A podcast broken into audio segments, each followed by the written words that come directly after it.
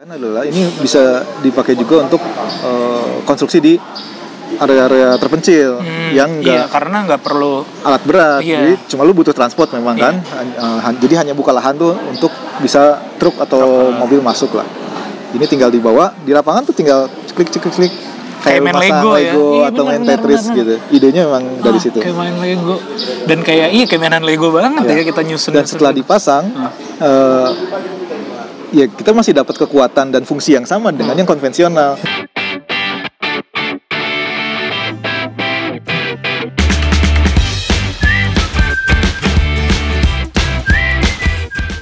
mulai aja ya Oke. Ya, eh, Assalamualaikum warahmatullahi wabarakatuh. Selamat pagi, siang, sore buat yang dengerin podcast ngobrol bisnis. Kembali lagi bersama saya Panji. Eh, kali ini di sebelah saya udah ada Mas James Zulfan. Ya. Gue manggilnya Halo. Zul, dipanggilnya Zulfan apa James nih? Eh, waktu gua kecil panggilnya Zulfan, Ah. sekarang udah ke lebih profesional panggilnya James. Oh, gitu. Itu nama pertama semua. Oh, biar lebih internasional. Iya, iya.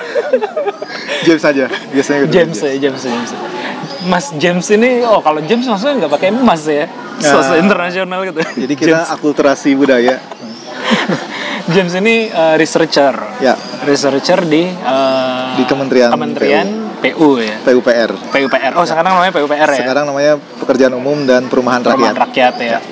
Uh, luar biasanya beliau ini kalau nanti gue taruh di sini ya postingannya Uh, baru persis banget kemarin sekarang tuh tanggal 24 September persis banget kemarin 23 September Pak Jokowi ngepost uh, suatu gambar di Instagram gitu Insta gambarnya adalah gambar bendungan di daerah Morotai Eh, Iya, bendung di oh, mana? oh, bendung ya bedanya apa tuh sebenarnya ke skala aja sih. Oh, skala. Nanti kalau bendung itu dia skalanya lebih kecil, ah, terus dia fungsinya hanya untuk eh, ngambil air untuk irigasi. Ah. Kalau bendungan dia skalanya lebih besar, Ah, dan bisa- tampungannya lebih besar, dia fungsinya akan lebih banyak. uh, bisa listrik dan segala Ya, macam oh betul. ya dan yang ngedesain atau yang riset lah ya ngeriset uh, James dan timnya Hmm. Tim, gitu ya. ya dan timnya gitu ya lo kenalan dulu boleh lo Oke. ini lo gue aja ya Ya, halo teman-teman. Eh, ya, jadi kebetulan gue kerja di eh, namanya Pusat Litbang Sumber Daya Air. Jadi itu sebuah research institute di bawah kemerin, eh, di bawah Kementerian PUPR. Jadi apa yang gue lakukan adalah gue melakukan riset eh, teknologi yang bisa digunakan untuk memudahkan eh, pekerjaan atau eh, konstruksi untuk pembangunan infrastruktur di Indonesia. Nah, spesifiknya gue mengkhususkan diri untuk eh, apa namanya ngambil risetnya tuh di bidang sumber daya air. Jadi nanti ini banyaknya riset gue tuh tentang eh, bangunan air, bendung, bendungan, eh, tunnel, Ah. terus pokoknya segala sesuatu bangunan yang ada di atas sungai. Nah, oh itu. gitu itu itu spesifikasi sendiri ya berarti ya Eh, karena beda memang Iya, jadi kan ada nanti ada bangunan air itu ada banyak lagi. Ada bangunan air di pantai. Ah. Itu kita di Kementerian PU itu ada lagi namanya Balai Pantai. Dia memang mengurusi untuk itu. Nah, ada lagi namanya Balai Sungai. Ah. Tapi dia khusus sungainya doang. Ah. Nanti ada lagi namanya Balai Bendungan. Nah, Khusus dia khusus bendungan. ngurusin bendungan doang. Nah, gua nih namanya eh, kantor gua tuh namanya eh, Balai Bangunan Hidrolik dan Geoteknik Keairan bangunan hidrolik dan, dan geoteknik airan. Jadi itu tuh adalah semacam irisan dari tadi Karena ke air pantai ya, bisa, karena luas ya. betul ke Oh, pantai bisa, iya. ke balai sungai tadi Ah. sungai bisa, ke bendungannya juga bisa, ke bendung juga bisa, Ah. gitu, ke rawa juga bisa, ke irigasi juga bisa. Oh, jadi- Karena basic basic sainsnya ada di hidrolik dan geoteknik itu. oh iya iya iya iya, iya. Nah, jadi di di kantor gue tuh ada orang-orang yang menspesifikan diri. Oke, gue mau uh, riset uh, mendalami riset hidrolik, Hmm. mendalami riset geoteknik gitu. Nah, kalau gue lebih ke riset struktur hidroliknya. Nah, serta hidrolik. Betul. Nah, background lo kan eh, ITB sipil 2004 ya. Gue sipil 2004, Lalu? terus uh, S2 itu hidrolik engineering di IHE Delft Oh, di Belanda. Di Belanda ya. Oh, ini berarti memang spesifiknya masuk ke sipil di konstruksi, terus langsung spesifik ke hidrolik di air gitu. ya? Iya, nah ini agak lucu karena S1 gua tuh bukan air sebenarnya. Jadi dulu gua skripsinya malah tentang uh, kontrak. kontrak tuh Jadi dulu gue tentang Dokumen gitu. manajemen konstruksi. Ah. Jadi skripsi gue nih itu adalah eh, dispute antara owner dan kontraktor yang harus diselesaikan di persidangan. oh gitu Yoi. Jadi sebenarnya jadi tidak terlalu teknik ya tender, manajemen ya manajemen, Manajemen ya? manajemen. Ya biasalah dulu kan uh, apa Sekedar. namanya, sekedar biar lulus lah gitu.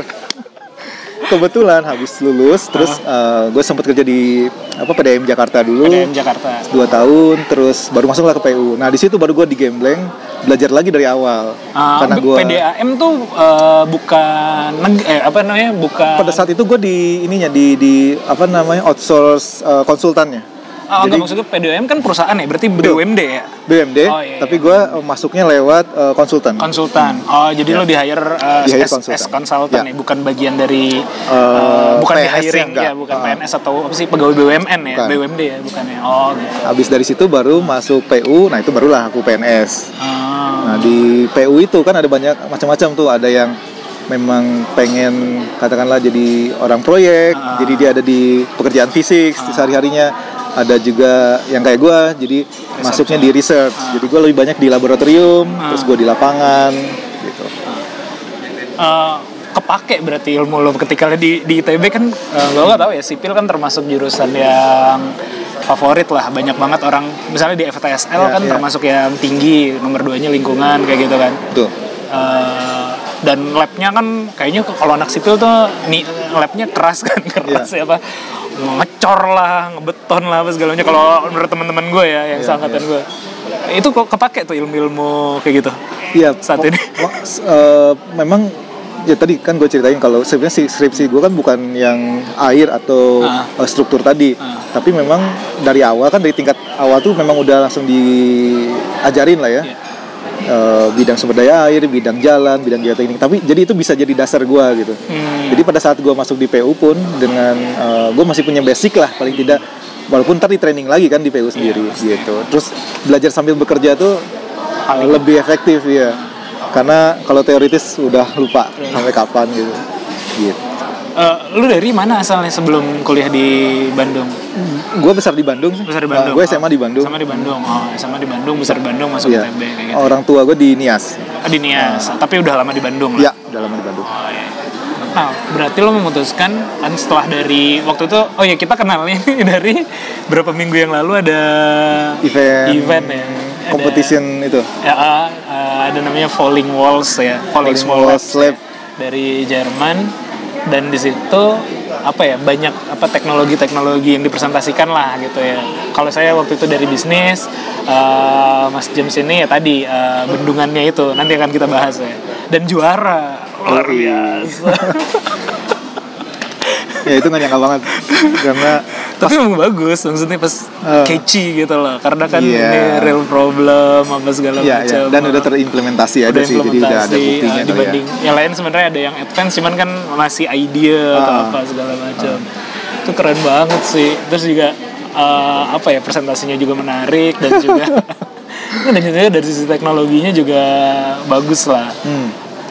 Persiapan apa mau ke Jerman nih Ren? Yang, yang menang dari Falling Labs akan diberangkatkan ke Jerman ya Ke untuk Berlin. presen- eh ke Yoi. Berlin ya Hmm. untuk untuk presentasi di Berlin Iya jadi ya gue gue ceritain dulu jadi Ah. kemarin kemarin tuh sebenarnya gue iseng iseng aja ikutan karena eh, sekilas gue lihat pengumumannya terus akhirnya gue ikut kenapa gue pengen ikut karena gue lihat oh ini acara ini seru nih beda sama kompetisi-kompetisi yang biasa gue ikutin Ikutin. sebelumnya katakanlah karena ini di semua bidang Hmm. gue lihat saingannya ada yang dari kedokteran, Hmm. ada yang dari sosial, ada yang dari uh, bisnis dan lain-lain. Jadi kayaknya seru nih. Jadi sebenarnya pengen ikut dan dengerin yang ide-ide yang lain juga Ah. gitu. Terus tahunya menang.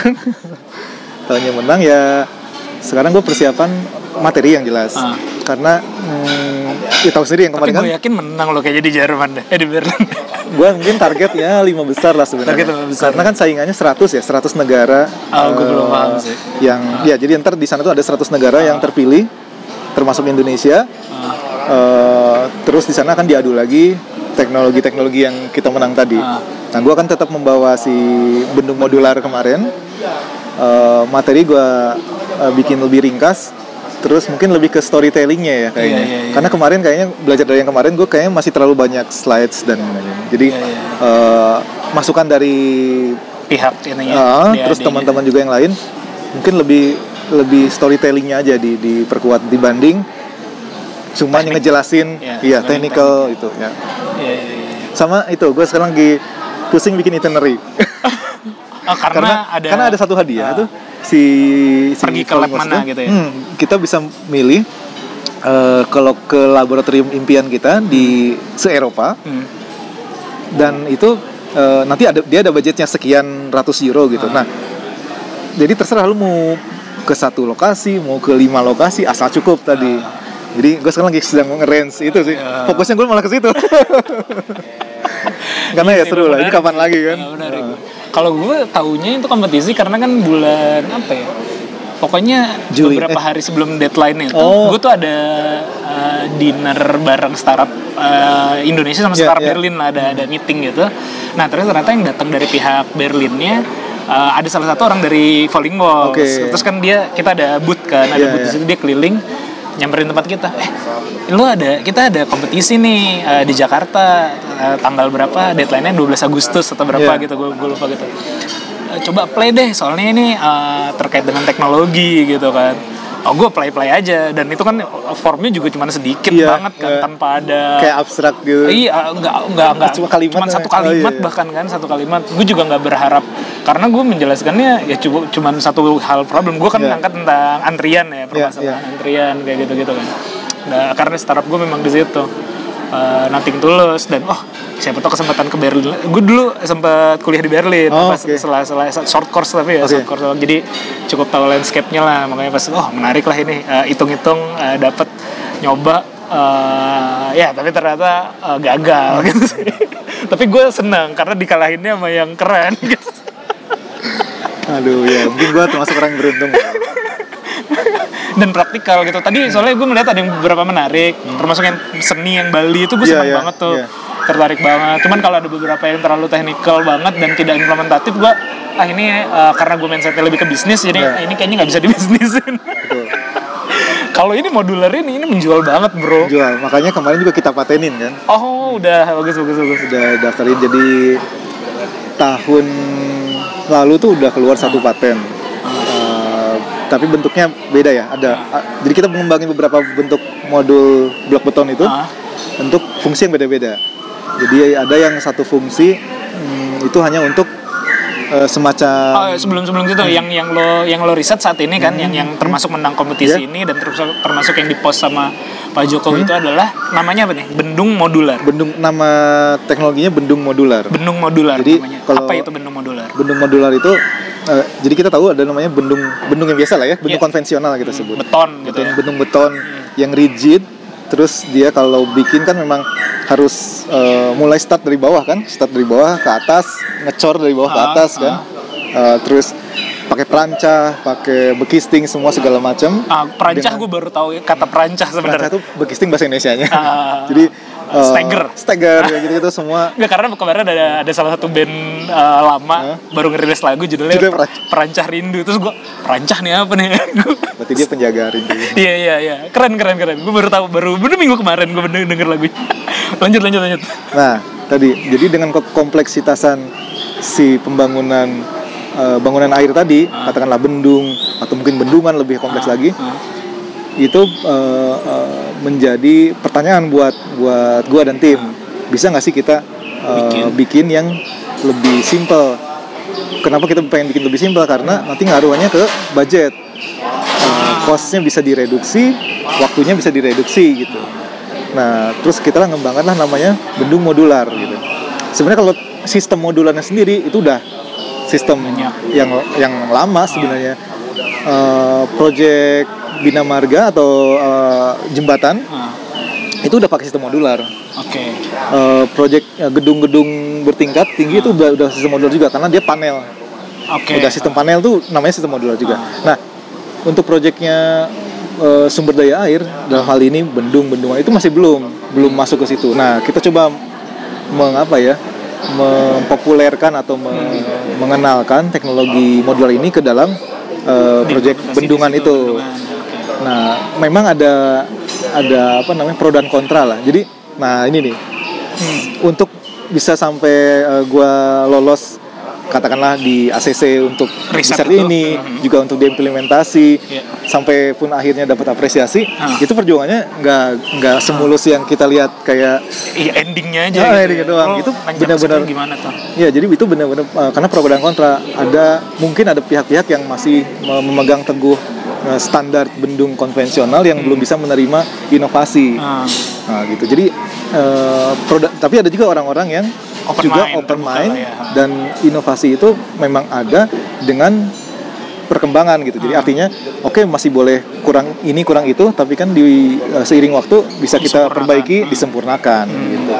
Nah, itu jadi uh, sampai pun dengan perjuangan kita akhirnya pun berhasil dan Diimplementasikan. uh, diimplementasikan sampai ada lokasi yang cocok dan diimplementasikan uh, itu jadi jadi kepuasan tersendiri lah buat kita. berapa tahun lo pertama kali dari dari ide dari ide itu sampai implementasi saat ini gitu?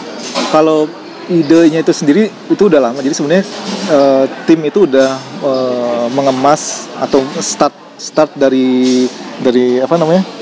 Ini namanya si Oh, bawa. gue kebetulan bawa nih. Ah. Jadi ini namanya uh, blok beton Ah. uh, kaki 6. Ah, Kenapa kaki kaki 6? Karena kakinya ada 6 nih. 1 2 3 4. Hmm. Eh kaki 8. Delapan. 1 2 3 4 5 6 7 8. Nah, Hmm. gue punya lagi satu lagi namanya kaki 6. Tapi yang hilang ininya doang nih, satu. Tiga jadinya, Ah, Nah, masing-masing ininya tiga. Jadi ada dua tipe yang gue pakai Ah. buat bendung.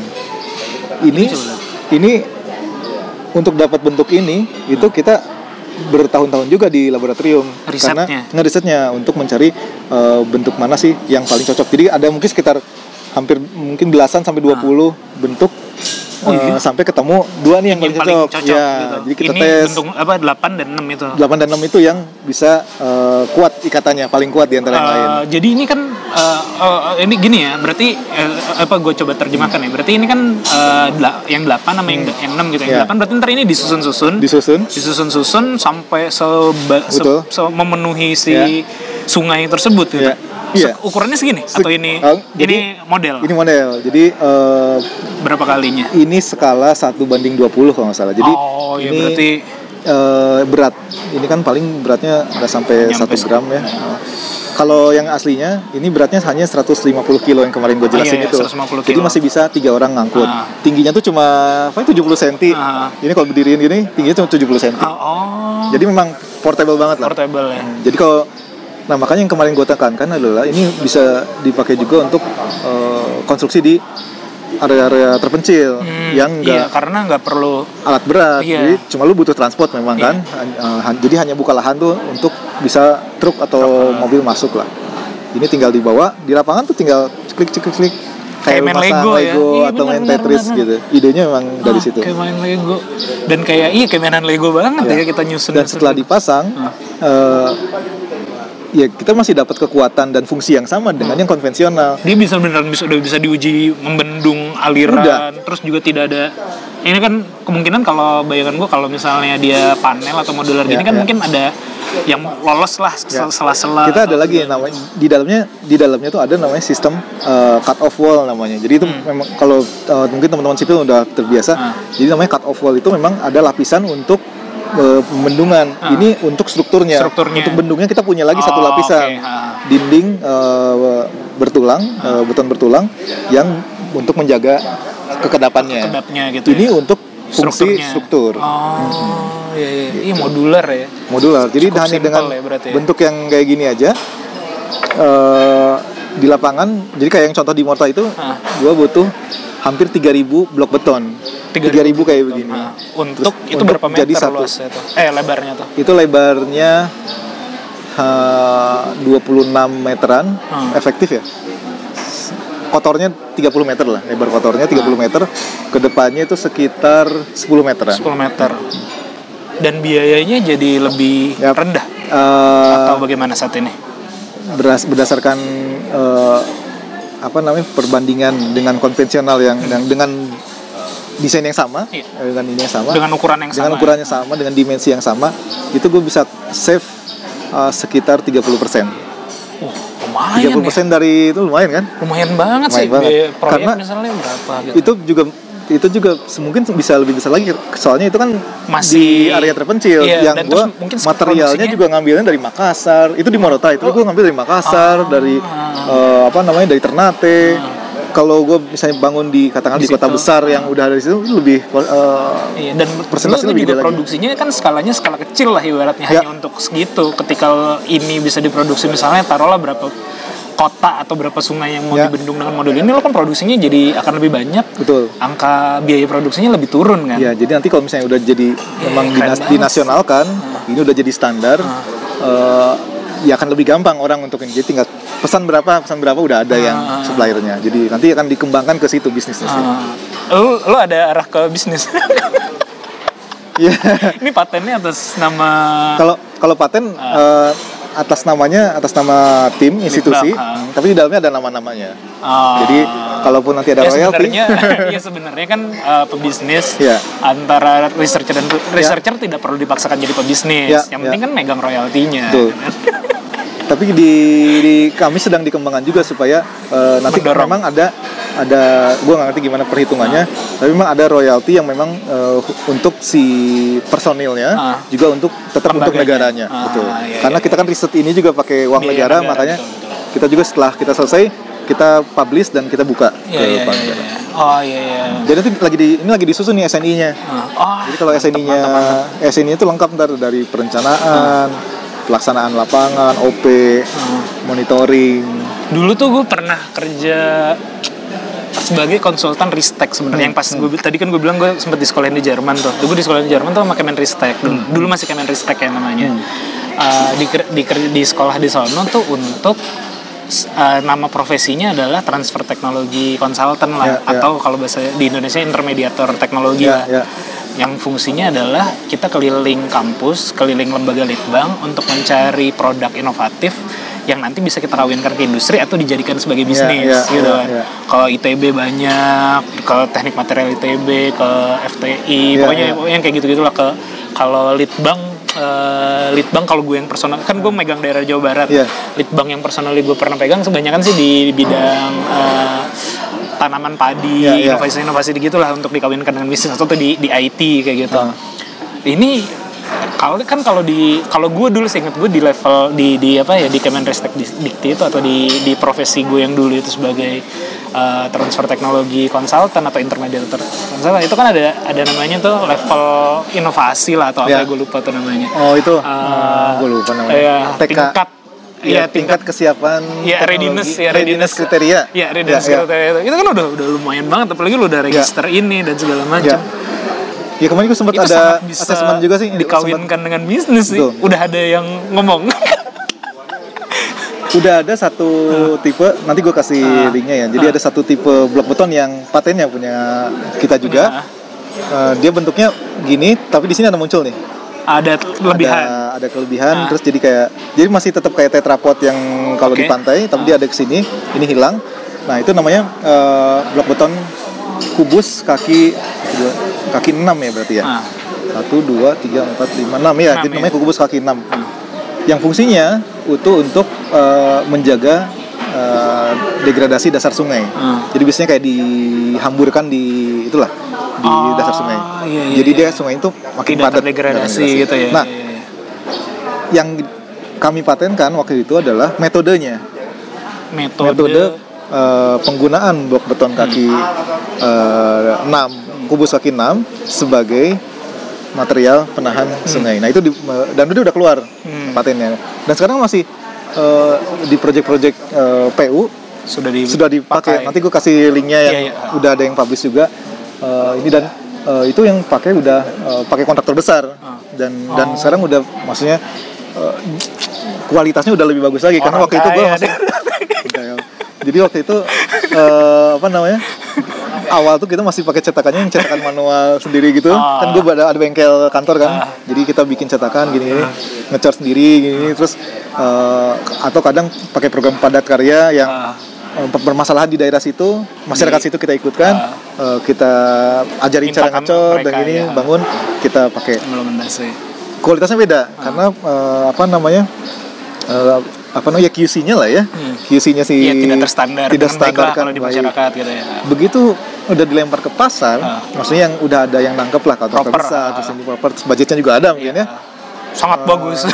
wih saya ng- Mantap bahkan banget. ngeliatnya jadi yang wih ini bagus banget artinya ya gue sempat eh, seneng aja gitu terharu kalau memang ternyata metode yang kita kembangkan memang bisa membantu Iya, daerah yang gitu ya. Hmm, sungai yang sedang bermasalah pada saat itu.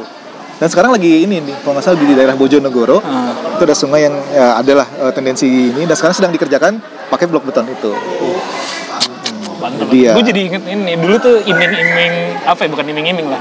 Iming-iming orang tua apa guru gue zaman SMA tuh kalau mau masuk ITB atau masuk Hah? teknik adalah dulu salah satunya teknik sipil. Tentu saja Soekarno gitu kan. Hmm, Oh Soekarno keren apa segala macam. Sama gue lupa. Mungkin lu pasti lebih tahu lah. Katanya dulu tuh ada yang bikin dari teknik sipil ITB bikin apa Cakar ayam. cakar ayam untuk untuk jembatan layang, Itu- jalan tol kayak gitu gitu. Itu kan Gue lupa siapa Siapa namanya nanti tolong cari ya. Soalnya itu proyek proyek jembatan sih. zaman dulu kan Bina itu. Marga. Eh, itu zaman dulu banget kan iya iya iya semacam Baku. macam itulah Ya, namanya ya. ya nama-nama Jawa gitu Nanti ada di sini.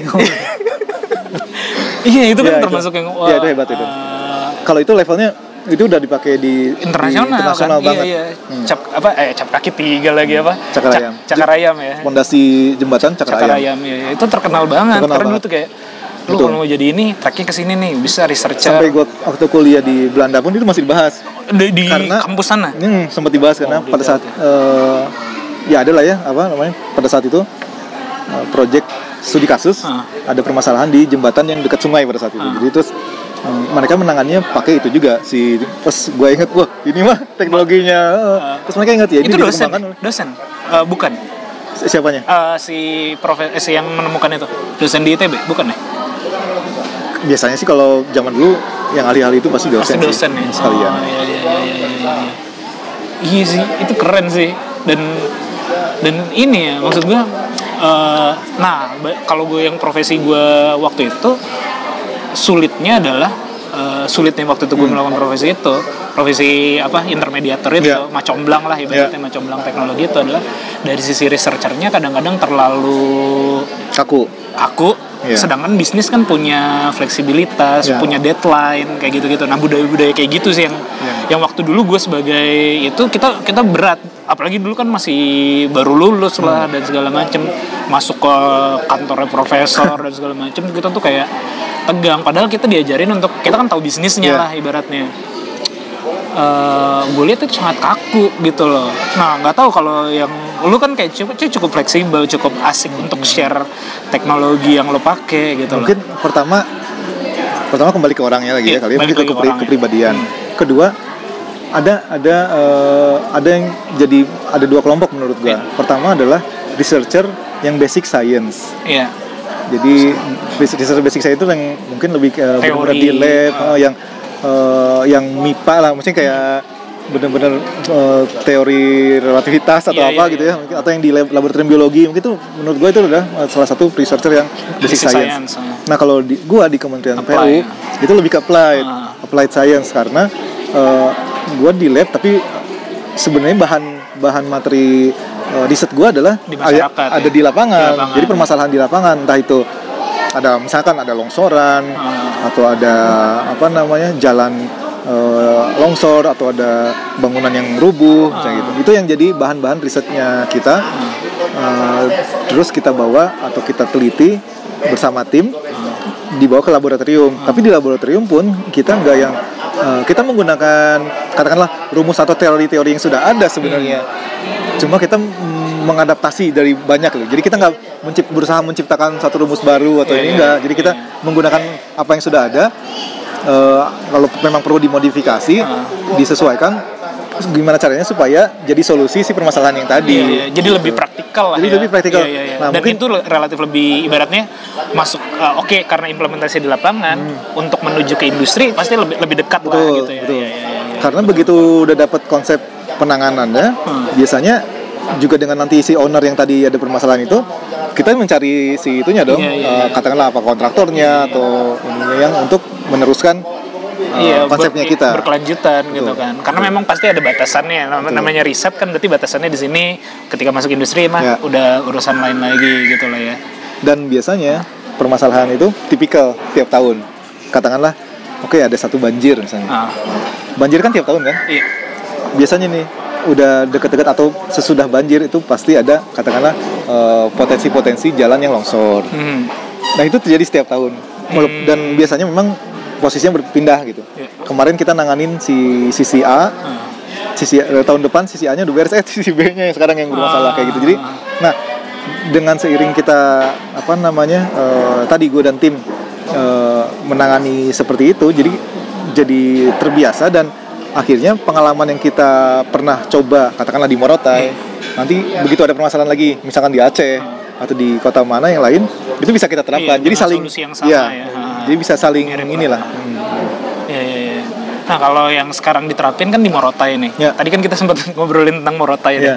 Morotai itu di mana sih? Morotai itu dia Karena tadi pas dialog awal-awal gue, gue nggak tahu Morotai di mana. Jadi Morotai itu sebenarnya Morotai itu sekarang sedang digadang-gadang eh, sedang di apa namanya? Di, Nanti gue taruh foto aja banget lah. Hmm. Jadi dia tuh ada di provinsi Maluku Utara. Jadi kalau teman-teman tahu ada antara Sulawesi terus antara Papua dan Sulawesi di tengahnya ada Maluku kan. Iya. Maluku yang paling utara itu ada namanya pulau kecil namanya Pulau Morotai. Jadi itu pulaunya indah banget Eh, dan masih virgin lah. Masih belum sih belum banyak warawiri orang eh, turis gitu belum. Tapi pantainya the best. Ada satu nama pantainya pantai eh, pulau enggak bukan pantai pulau. Pulau Dari situ kayak nyebrang setengah jam dapat satu pulau namanya Pulau Dodola. Dodola. Nge-googling situ itu itu cantik banget. Ini di utara banget ya berarti. Utara banget. Utara Nah, itu panas banget. Oh tropis ya, tropis banget lah. Iya banget. karena jauh banget dari daratan luas ya Ya. berarti. Tapi sekarang eh, kita sedang mendorong, jadi banyak kementerian tuh yang lagi kerja di situ. PU ya, Eh, kita sudah di situ. Kementerian Pariwisata juga udah kerja di situ. Terus Kementerian Perhubungan kayaknya sekarang sedang me- Infrastruktur ininya. infrastruktur ini ya, airportnya lagi Airportnya. diperbaiki. Oke. Terus jalan-jalan juga, apalagi ya perikanan. Kementerian Kementerian Perikanan juga masuk tuh kemarin. Hmm. Lagi lagi kayak Gencar lah. digencar ada Eh, Karena tadi termasuk dia prioritas ya. termasuk prioritas, Ah, iya. betul dan kenapa kita kemarin eh, pilih eh, Morotai jadi sebenarnya gini si Morotai itu adalah bendung modular pertama yang full scale jadi paling lengkap secara bendung ya Hmm. karena tahun 2013 prototipe pertama kali gua tuh bukan di situ Hmm. tapi di dekat sini Di, Di Majalengka. Oh di Jawa Barat di Majalengka itu lebar sungainya cuma 10 meter Hmm. terus iri, eh, irigasinya juga hanya puluhan hektar Ah. kecil tapi itu adalah eh, setelah kita pengujian di lab kita memberanikan diri untuk di implementasi situ pertama sebenarnya. Hmm. 2013 Eh, dan sampai sekarang itu masih jalan Masih jalan. masih oke Masih kuat bagus. Masih ya. kuat. Untuk irigasinya juga irigasi masih, jalan oh. masih jalan kayaknya kita kemarin baru dua minggu yang lalu masih lima tahun enam lima tahun kan? Lima Masih. enam tahun ya. masih oke hanya memang sama eh, bedanya adalah kualitas betonnya aja yang Ah. eh, ya itu masih haus lah. produksi dari Karena kan lab sendiri Bu- bukan Udah, udah in situ masyarakat Oh, sendiri masyarakat yang situ. kita ajarin mereka itu istilahnya in situ ya in situ jadi kerjanya di situ Ah. terus kita pakai sistem padat karya jadi yang kerja adalah masyarakat, masyarakat ya, ya, ya. jadi yang tadi beda, eh, Beda kualitas konsekuensinya lah. adalah kualitas ya beda QC-nya yang di Morotai ini kita udah pakai kontraktor jadi udah pakai eh, jadi sistemnya jauh pakai lebih proper plan. lah betul jauh lebih ini gitu ya betul Oh. nah yang kedua prototipe kita yang kedua itu ada di Lombok Oh, Lombok itu di Lombok. hmm, Lombok itu eh, 20 meter lebar lebih besar Hmm, tapi dia bukan buat bendung, hanya sebagai check dam kalau kita sebutnya. Jadi dia menahan sedimen aja oh, fungsinya. iya, iya, Jadi iya. nggak terlalu berat lah dia fungsinya. berat, ah. Tapi dia le- lebih lebar lagi. Nah, yang Morotai ini yang terakhir, Ah, yang full. Jadi kalau kita petakan tuh, ah. Indonesia bagian barat, tengah, Tengah timur, udah ada ya. perwakilannya. Iya, di Jawa Barat di Lombok sama di Betul. Ternate ya Jadi pada saat kita blast, kebetulan RI 1 udah duluan Iya. ngeblas. jadi kita maksudnya eh, kita blast itu se- semua udah punya tuh. Jadi nanti kan kita akan Jadi menggerakkan juga. enak ya. Iya, iya. Kita kan mendiklat akan bikin diklat banyak Ah. untuk men apa ya mensosialisasikan lah teknologi ini sekaligus eh, apa namanya misalkan nanti perlu ada kunjungan lapangannya supaya lihat bentuknya gimana aslinya Indonesia bagian barat bisa, bisa uh, ke Majalengka, Majalengka, aja nggak usah jauh-jauh sampai ke iya, iya, Morotai iya. kecuali memang mau jalan-jalan ya Iya, silakan iya, iya, iya. yang daerah timur ya cukup di Morotai yang daerah tengah Lombok. bisa di Lombok Iya, gitu iya, iya. Tapi eh, kenapa lo bilang lebih full scale dari sisi produksinya atau dari sisi lebar dari sungainya? lebar sungai itu Dan- udah lebih besar dengan fungsi apa eh, Fungsi kelengkapan bendungnya udah lengkap dia ada saluran pembilas Oh. dia ada tanggul dia ada eh, intake dia ada kantong lumpur udah lengkap Oh. terus irigasinya udah sampai 300 hektaran Hektar. Ya, jadi udah masuk irigasi yang besar lah besar ya. debitnya juga jauh lebih besar dia Itu kalau gue mau nanya deh, Hmm. kalau ini pertanyaan bodoh mungkin ya. Cara ngebendung gimana sih awalnya? Itu kan air jalan terus. nih kalau yang ini gue di kalau konvensional ya ini Di- ini ini ini sungai nih Ya, ini kalau yang pakai podcast nggak kelihatan juga sih, Oh, iya, cuma iya. nggak apa-apa lah. Kalau Iya, kalau lu gini, kalau lu lagi kayak lagi mau jalan nih, Ah, terus lu mau bikin bendung, Ah. sedangkan ini kan jalan terus, Ah. lu biasanya hambat dulu. supaya mm, mm, supaya kita kerja kerja kan enak kering kan, Iya. Kita keringkan ini gimana caranya kita bikin ditutup tanggul, Oh, iya, iya, jadi iya. airnya Belok. dialihkan, Hmm. ntar keluarin lagi di hilir. Iya, iya, iya, iya, iya. Nah, Kayak benerin jalan aja lah Betul. kan dibelokin dulu ya. kalau Iya, debitnya iya. besar rata-rata di- gituin dulu. Ah. Tapi eh, yang di Lombok itu eh, yang kita pakai ini Ah. itu enggak. Jadi kita tunggu musim eh, agak, Agak surut gitu. surut, jadi musim panas gitu Ah. sekitar bulan Juni Juli kita start. Terus ah, airnya kan udah lebih rendah tuh. Ah. Kan apalagi Lombok yang eh, Nggak, daerah yang kering. iya. Jadi kita bisa pasang. Walaupun tetap masih ada air, tapi dengan sistem ini itu bisa Nah, bedanya kalau pakai konvensional lu nggak bisa, bisa, karena lu iya. nggak bisa ngecor di Iya, dalam ada air, iya, betul. Kalau ini bisa kan lu tinggal taruh. Tinggal taruh ya? Oh, iya. Asal bawahnya ntar lu memang ada ada treatment khusus sebelumnya. Ada yang eh, lu pasang tiang-tiang pancang, terus lu pasang namanya lapisan geotextile, lu kasih lagi pasir, adalah ada spesifikasinya. Baru lu bisa taruh ini. Ini Tapi ketika- artinya bisa kerja dalam basah. dalam basah ya. Betul. Berarti ketika misalnya gue kalau misalnya pakai modular ini, Hmm. lo bener-bener uh, exactly kayak naro Lego aja Yap. tanpa perlu ada Yap.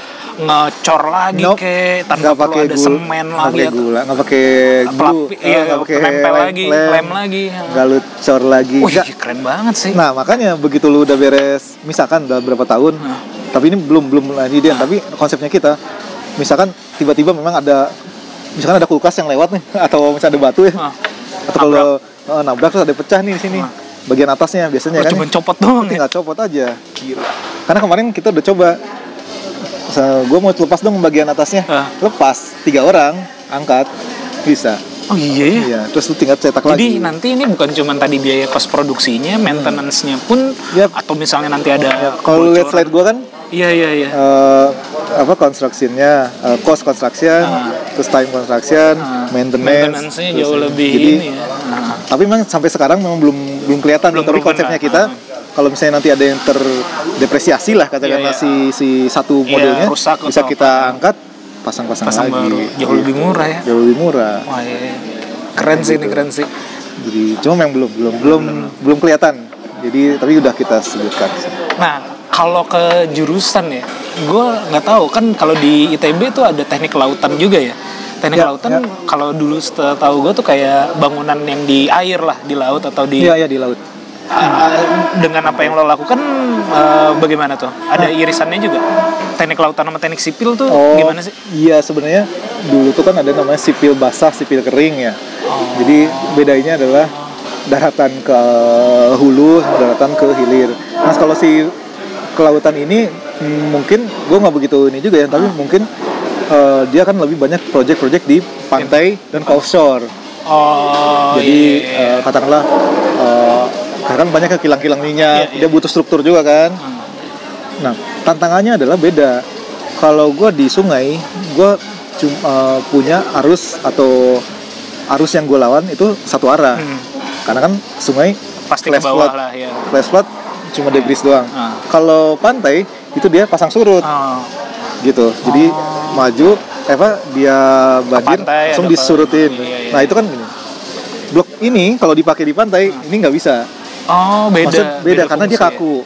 Ah, oh, kalau di pantai tuh kayak Kalau- harus lentur gitu. Kalau di pantai, makanya beda bentuknya. Kalau di pantai memang nggak boleh jadi ngiket. Ah. Di pantai itu hanya randomly acak gitu. Oh iya, iya, Karena- makanya kalau yang di kan suka ada tuh Betul. itu cuma cuman kayak asal Iya, makanya dia gitu aja. bentuknya juga jadi segitiga segitiga, Segitiga, supaya ya, dia nggak ngunci. Karena kalau begitu dia ngunci dia dia patah sendiri. Ah, ah, karena nanti misalnya pas lagi ke sana bisa, pas ke sini kehantem malah. ya. betul. Oh. Jadi friksi. Dia di sana justru mainnya friksi. Kalau gua di sini gue nggak main fiksi ya gue main fiksi sedikit tapi gue pakai kunciannya itu interlockingnya itu yang gue pakai Hmm. supaya dia tetap uh, kaku walaupun nggak terlalu kaku tapi ada toleransinya. Hmm.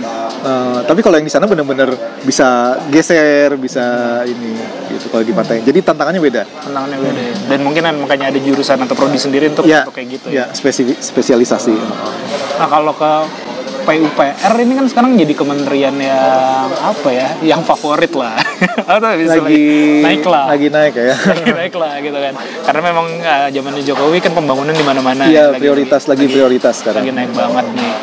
Eh, itu gimana loh? Kan kalau bayangan masyarakat umum ya, PNS kan kadang-kadang kelihatannya kayak eh, profesi yang ya yang mungkin dipandang apa namanya ah, kerjanya santai Iya, iya. apa segala macam lu gitu nggak? Gue gue dari pertama kali lulus juga sebenarnya dulu nggak tapi nggak apa-apa kan gunanya kayak gini nggak apa Tante. karena gue juga dulu waktu lulus juga nggak nggak bercita-cita untuk jadi PNS gitu. Ah. nggak kepikiran lah karena keluarga gue juga ada beberapa yang PNS terus tapi eh, keluarga inti nggak? keluarga inti nggak ada. Jadi nggak ada nggak ada dorongan lah untuk jadi PNS jadi akhirnya gue coba kerja dulu jadi konsultan dulu kan Iya, sem- sebentar. Nah kenapa masuk PNS pada saat itu? Karena setelah gue kerja di swasta terus gue Ah. merasa gue orangnya yang tipe penasaran gitu. Aku pengen coba juga nih PNS Ah. tapi PNS yang kementerian. Karena setelah diskusi sama teman-teman yang Paling, itu ya. kayaknya eh, eh, seru tuh.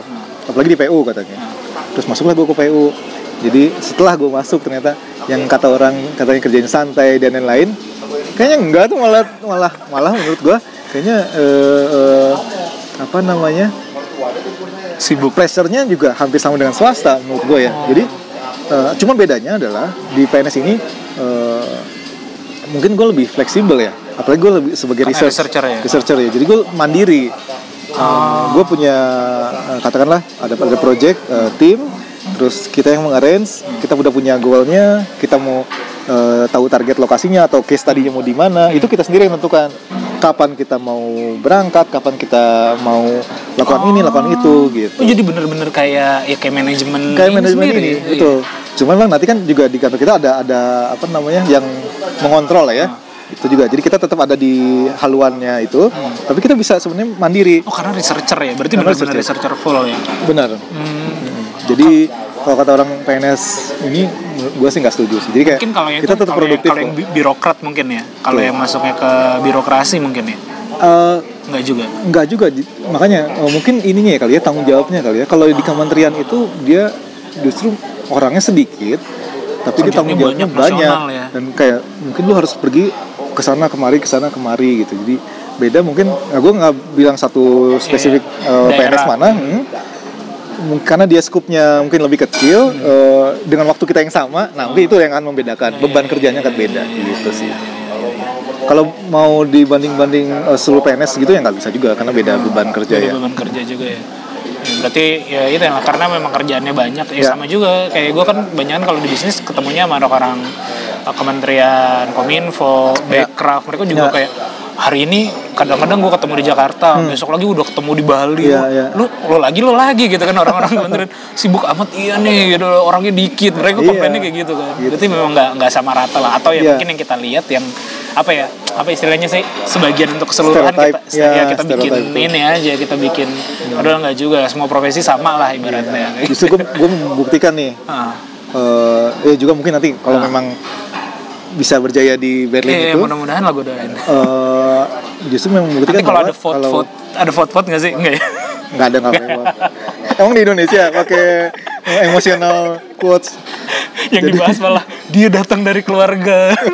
Kalau gitu gue siapin ini dulu acting. Acting. Jadi Heeh, jadi justru gue pengen membuktikan nih kayak mm, ya beberapa Iya, iya, iya. beberapa produk lah ya atau atau publikasi yang gue upload itu selalu gue sampaikan nggak apa-apa nggak dulu dari kantor atau? Kantor tapi sampai Ah. nggak nggak apa-apa. Ah, lanjut lanjut.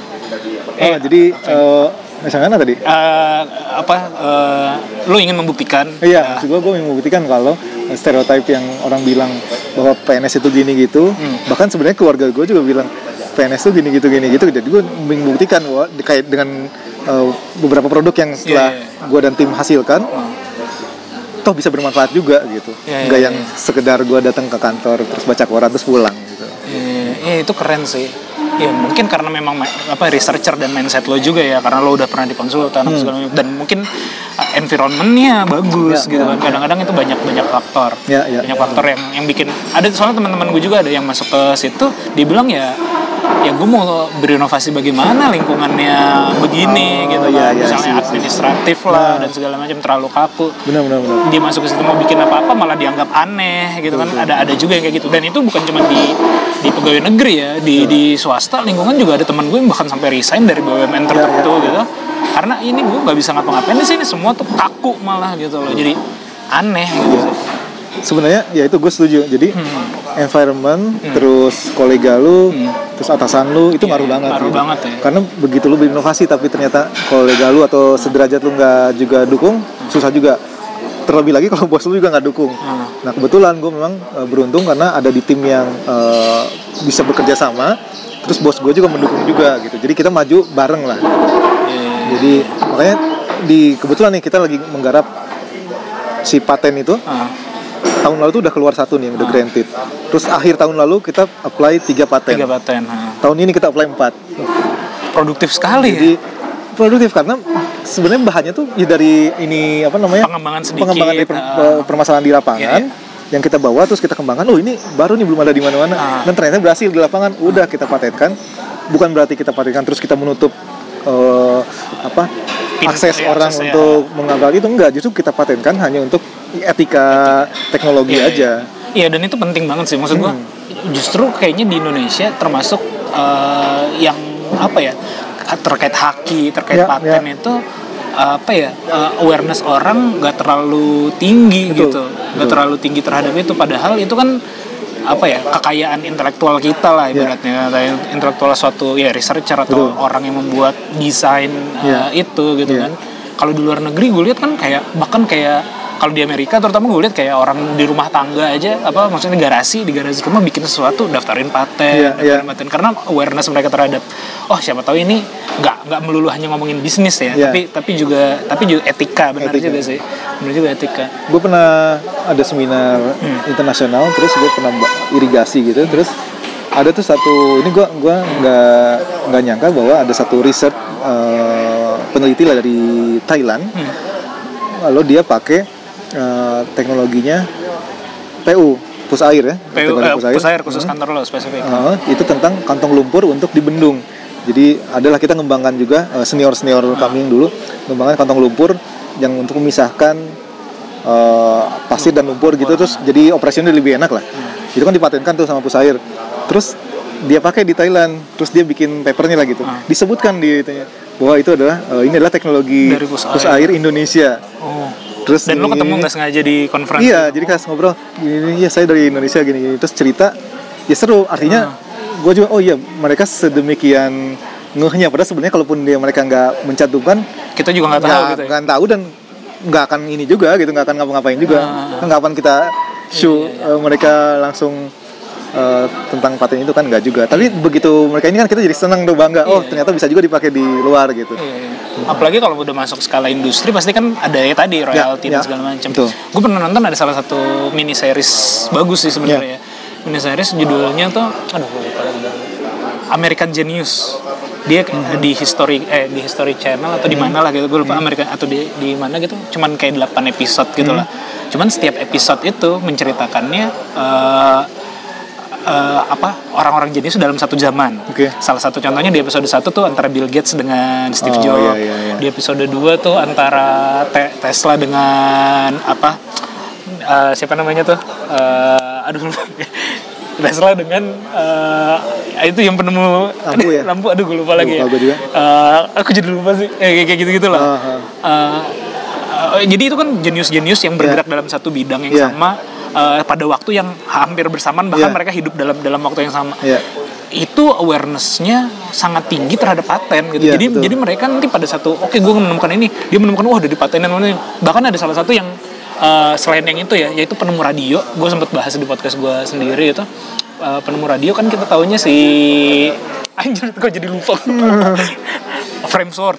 Ya, ya. eh, Frankfurt sama siapa lawannya itu dia eh, penemuan televisi gitu ya nah si yang lawannya ini dia sampai wah karena udah dipatenin gue harus mencari cara membuat televisi dengan cara yang berbeda dari si Framework gitu Ya. sampai sampai segitunya kan itu kan jadi menimbulkan ya persaingan itu kan kompetisi itu menimbulkan kreativitas kan Ya. jadinya oh, jadi lebih kreatif jadi jadi Betul. dampaknya besar banget sih dan di kita awarenessnya nggak banyak gitu bah apalagi di itu di di researcher di di di bisnis apalagi gue bikin sesuatu yang mungkin baru gitu ya di gua ya bodo amat lah gitu jadi sayang padahal itu bisa jadi senjata bisa jadi kalau di bisnis ada namanya competitive advantage Oh. atau unfair advantage lah Iya, advantage yang tidak bisa diganggu gugat ya salah satunya kan dengan haki ya iya, yang haki. patennya tuh itu sih yang yang, yang, yang- dan harus disebarluaskan tuh tentang yang kayak gitu-gitu tuh Iya.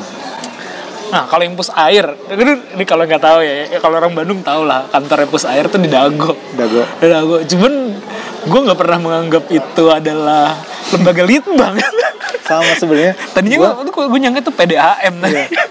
jangan kan lu gue kuliah 4 Sipil. tahun sipil di ITB sampai gue lulus juga gue nggak tahu kalau itu ternyata PU dan itu lembaga litbang karena gue nggak pernah main situ juga.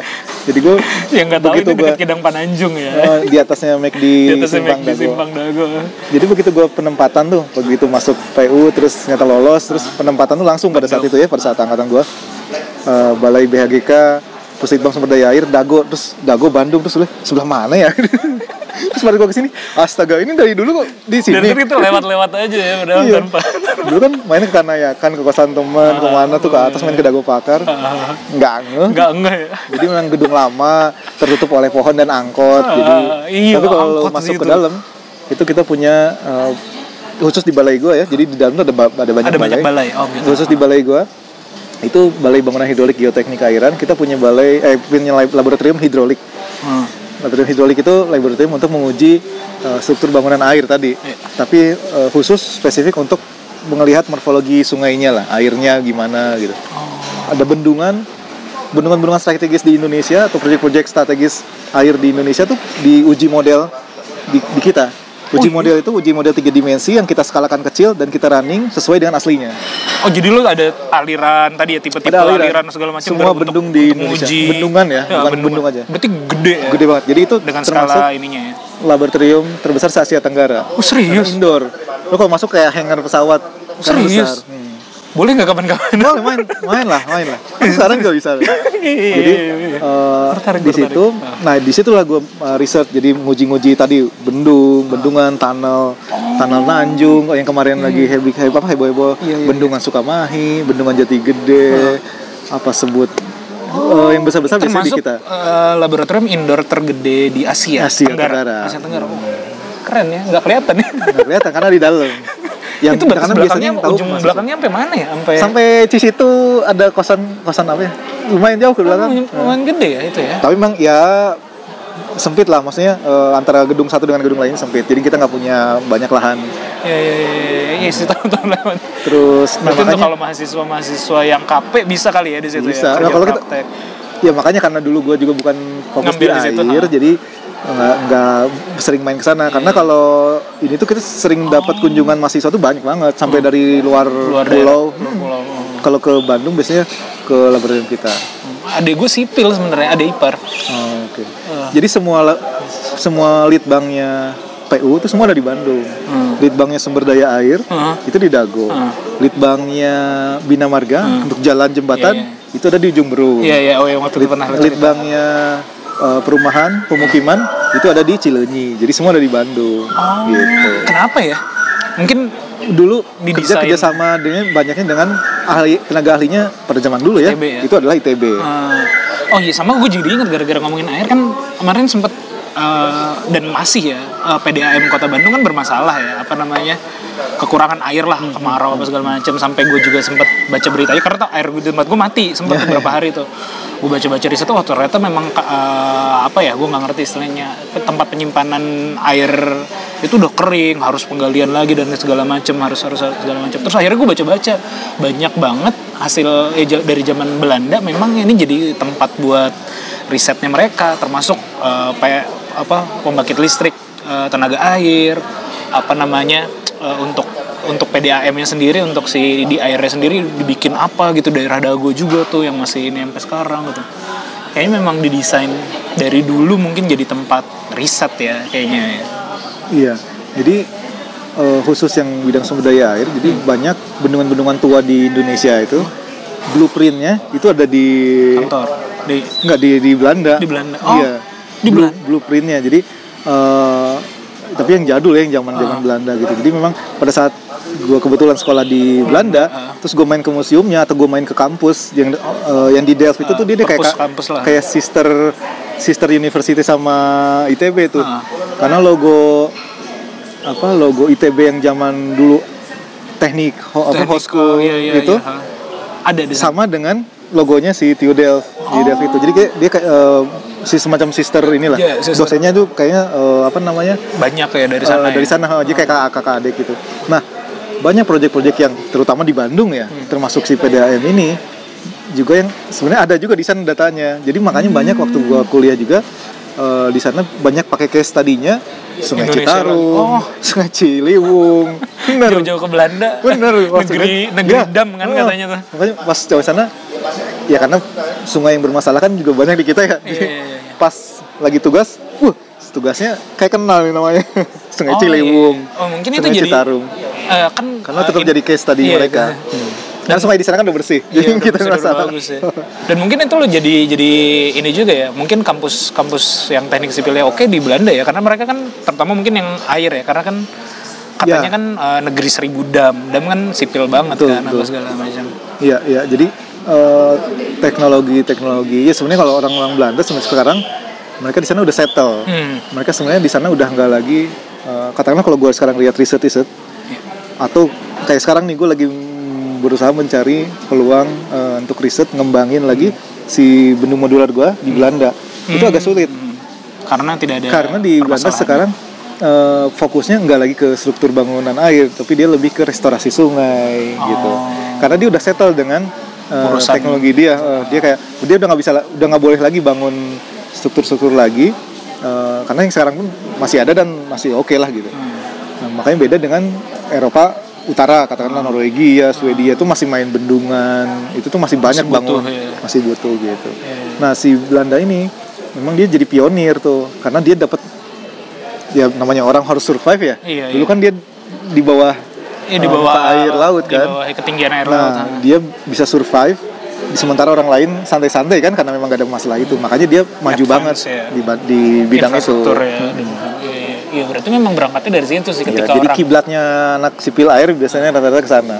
iya dan dan poinnya adalah memang eh, keadaan krisis itu bikin orang inovatif kan Betul, dia harus- makanya harus survive kan. Kayak kita juga begitu banyak masalah ada gitu ya. eh, lagi ke, kepepet baru tuh muncul ide-ide kan. iya iya iya, iya. kalau lagi santai mana muncul tuh ide? Kalau udah deadline baru tuh. Standar. Nah sekarang selain tadi ya lagi lagi ya mudah-mudahan yang di Berlin eh, Ya, menang lah nanti doain. kita kita doain semua gitu. Terus lagi ngerjain apa lagi nih? Eh, masih mendalami riset ini terus atau Se- lo lagi ngerjain apa di kantor? Kalau sekarang kita eh, ya masih sosialisasi eh, teknologi ini.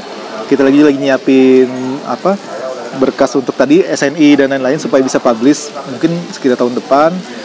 Terus eh, sekarang sih riset gue masih karena gue fokusnya di bangunan air gue lagi ada riset di eh, tentang bendungan. Kalau ini sekarang bendungan kalau tadi kan ini bendung, Bendung. Ah, Karena gue bendungan jadi yang lebih besar. lebih besar.